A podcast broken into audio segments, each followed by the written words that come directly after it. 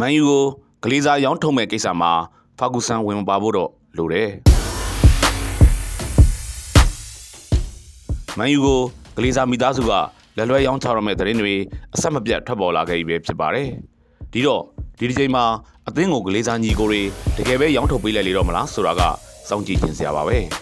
ဒါပေမဲ့မန်ယူကိုရောင်းထုတ်တဲ့နေရာမှာရောင်းထုတ်ဖို့မမှန်ခဲ့ရင်အသင်းကဒုက္ခများပါပါလိမ့်မယ်။ဘာကြောင့်လဲဆိုတော့ မန်ယူကိုဝယ်ချင်နေတဲ့တချို့ဝယ်လက်တွေရဲ့လက်ထဲကိုအသင်းကရောက်သွားခဲ့ရင်ရောင်းမဝယ်မဆိုတာမျိုးတွေကျင်းသေးဖြစ်လာနိုင်ပါတယ်။အထူးသဖြင့်အသင်းရောင်းဝယ်ကိစ္စထဲမှာဖာဂူဆန်လုံးဝဝင်မပါဖို့လိုပါတယ်။ဖာဂူဆန်ဟာအသင်းအတွက်ဂန်တွေနီးပြကြီးတယောက်ဖြစ်ခဲ့သူပါ။အောင်မြင်မှုပေါင်းများစွာကိုလည်းသူကစုခုရယူပေးနိုင်ခဲ့ပါတယ်။ဒါပေမဲ့ဖာဂူဆန်ဟာရှေးရိုးဆွဲဗီဒိန်တွေးခေါ်ရှိတဲ့သူတယောက်ဆိုတာကိုမမေ့သင့်ပါဘူး။မန်ယူကိုကြောခိုင်းစွန့်ခွာချိန်မှာသူ့လိုစကော့တလန်သားလည်းဖြစ် ဗီဒိန်တွေးမူဝါဒကိုကန်ဆွဲသူလည်းဖြစ်တဲ့ဒေးဗစ်မိုရက်စ်ကိုမန်ယူနီးပြအဖြစ်ထားရှိခဲ့တာကိုကြည့်လိုက်ရင်ဖာဂူဆန်ကဘယ်လိုလူစားလဲဆိုတာသဘောပေါက်နိုင်ပါလိမ့်မယ်။ဖာဂူဆန်ဟာမန်ယူအသင်းရဲ့အခန်းကဏ္ဍမှာအရေးပါသူတယောက်ဖြစ်ရှိနေသေးပဲဆိုတာကိုမမေ့သင့်ပါဘူး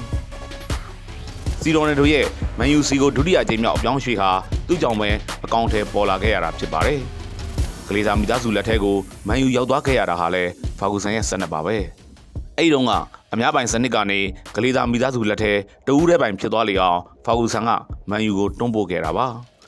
အခုလဲမန်ယူကိုဘသူလက်ထဲရောင်းတင်ကြောင်းဖာဂူဆန်တွန်းအားပေးမှတွေပိုင်ရှင်သစ်ဖြစ်လာစေခြင်းနဲ့ဝဲလက်ကိုဖာဂူဆန်သွားတွန်းတာတွေဖြစ်လာမှာကိုကြောက်ရပါတယ်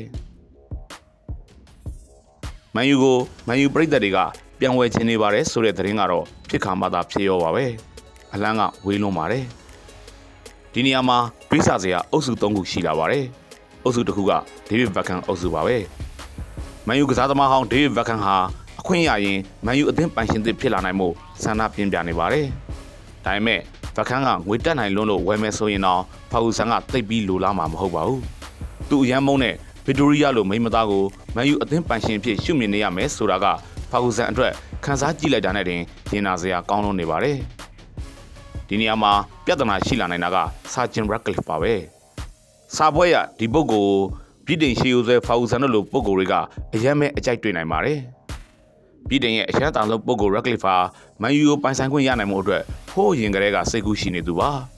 သူဟာအောင်မြင်တဲ့စီးပွားရေးလုပ်ငန်းရှင်ဆိုတာကိုအကျွင့်မဲ့လက်ခံပေးနိုင်ပေမဲ့မော်ဒန်ခေတ်ဘောလုံးလောကတွေကပြန်လည်ထူထောင်ရေးလုပ်ငန်းစဉ်စတင်နေတဲ့အသင်းကြီးတစ်သင်းကိုစီမံခန့်ခွဲဖို့အတွက်သူ့စီမှာလိုအပ်ချက်တွေအများအပြားရှိနေစေပဲဖြစ်ပါတယ်။ဒါကြောင့်လဲသူ့လက်ထဲကိုဝက်ကွက်အပ်လိုက်ရင်အသင်းက အထိခိုက်အချအနာတွေများတဲ့များသွားမှာကျင်းတင်လွန်လာပါတယ်အခုလက်ရှိမှာမန်ယူကိုဝယ်ယူဖို့အတွက်ရှေ့ဆုံးကိုရောက်နေသူတွေကတော့ကာတာရင်းနှီးမြှုပ်နှံသူတွေပါပဲဘယ်သူပဲဝါဆိုတာကိုအတိအကျမသိရသေးပေမဲ့မန်ယူကိုဝယ်ဖို့အတွက်ပြောပြီးဆိုပြီးဖြစ်နေပြီလို့အကြံပြင်းသိရှိရပါတယ်အမေရိကန်ပြည်ထောင်စုအခြေစိုက်ကုန်သည်ဗန်လုပ်ငန်းစု Ring ကဂလီဇာမိသားစုဟာဖေဖော်ဝါရီလ18ရက်နေ့ကိုနောက်ဆုံးထားပြီးမန်ယူအယောင်းဝယ်ကိစ္စကိုဆွေးနွေးပေးသွားဖို့ရှိနေတယ်လို့ပြောကြားထားပါတယ်။ ကာတာရင်းနှီးမြှုပ်နှံသူတွေဆိုတာမှလည်းနောက်ပိုင်းရောက်ရင်ဖြုတ်ဖြုတ်ထွေးထွေးမဖြစ်ရလေအောင်စစ်ဆေးမှုတွေကိုစနစ်တကျလုပ်ကင်ထားဖို့လိုအပ်ပါတယ်။ဘာကြောင့်လဲဆိုတော့ကာတာကဒေဒီကျဲဘီလီယံနာအများစုဟာတော်ဝင်မိသားစုတွေတော်ဝင်မိသားစုပိုင်စီးပွားရေးလုပ်ငန်းစုတွေနဲ့မရှင်းမလင်းရှိတဲ့ကြလို့ပါပဲ။ဒါကြောင့်လဲ PSG ကိုပိုင်ဆိုင်တဲ့ကာတာစီးပွားရေးလုပ်ငန်းစုနဲ့မန်ယူကိုဝယ်ယူဖို့ကမ်းလှမ်းနေတဲ့ကာတာရင်းနှီးမြှုပ်နှံသူတွေကဘယ်လိုအဆက်ဆက်တွေရှိနေလဲဘယ်လဲဘာလဲလို့မေးခွန်းတွေဒရဇက်ထွက်ပေါ်လာတာပါ ဒီနေရာမှာမန်ယူအသင်းပိုင်ရှင်ဂလေးစာမိသားစုကမလဲချုပ်လုပ်ထားတာတွေရှိလို့နေပါသေးတယ်အဲ့ဒါကတော့ဂလေးစာညီကိုတွေဟာအသင်းကိုအပြတ်ရောင်းဖို့အဆင်မပြေခဲ့ရင်ရှယ်ယာတွေကိုခွဲပြီးရောင်းချပေးသွားပါမယ်လို့နောက်တလန်ခွင့်ပေးထားတာပါပဲဒီတော့ဒါဟာအခက်မသိရင်တခါတော့ကအာဆင်နယ်ဇလန်မျိုးဖြစ်သွားပါလိမ့်မယ်ဥစမာနော့ကိုပဲဆရာခေါ်ရမလားခရွန်ကီပြောတာပဲနားထောင်ရမလား လေဒီဘလက်ဝက်စမစ်ထောက်ပြတာကိုပဲလက်ခံရမလားဆိုတဲ့ဝဲရောကတဲ့အာဆင်နယ်ကကာလတစ်ခုကြာတက်ဆင်းခဲ့ရဘူးတာကိုမမေ့သင့်ပါဘူး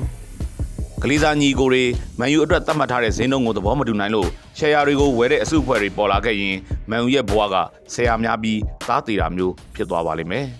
လက်ရှိမှာကာတာရင်းနှီးမြှုပ်နှံသူတွေရဲ့ကမ်းလှမ်းချက်ကကလေးစားညီကိုတွေအတွက်အကောင်းဆုံးပါပဲ။ကလေးသားညီကိုတွေလိုချင်နေတဲ့ပေါင်6ဘီလီယံဆိုတာမျိုးမဟုတ်ပေမဲ့ပေါင်4.1ဘီလီယံနဲ့ ပေါင်4.5ဘီလီယံကြားဆိုတာကမန်ယူအတွက်ဖြစ်တင်ဖြစ်တိုက်တဲ့အနေအထားမျိုးလို့ဈေးကွက်ရေးရာကျွမ်းကျင်သူတွေကသုံးသပ်ထားပါတယ်။နောက်ထပ်ပေါင်2ဘီလီယံကိုတော့မန်ယူအတွက်ယင်းနှိမ့်မြုံနှံမှုအသစ်တွေထပ်လုပ်ပေးဖို့ကာတာယင်းနှိမ့်မြုံနှံသူတွေကရည်ရွယ်ထားတယ်လို့သိရှိရပါတယ်။မန်ယူဟာလက်ရှိမှာတော့အယောင်းအဝယ်လမ်းမထက်ကိုရောက်ရှိလိုနေပါပြီဒါပေမဲ့ဒီဖြစ်စဉ်တွေကိုနီးပြကြီးဖာဂူဆန်တို့လိုရှေးရိုးဆွဲအုပ်စုတွေဝင်ရောက်မဆွတ်ဖက်ဖို့လိုသလိုဂလီစာမိသားစုဘက်ကလည်းကိုကျိုးစည်းဝါးထက် အသင်းရဲ့အနာဂတ်ရှေးရေးကိုရှေ့ရှုပြီးတော့သာမှန်ကန်တဲ့ဆုံးဖြတ်ချက်ကိုချမှတ်ဖို့လိုအပ်ပါတယ်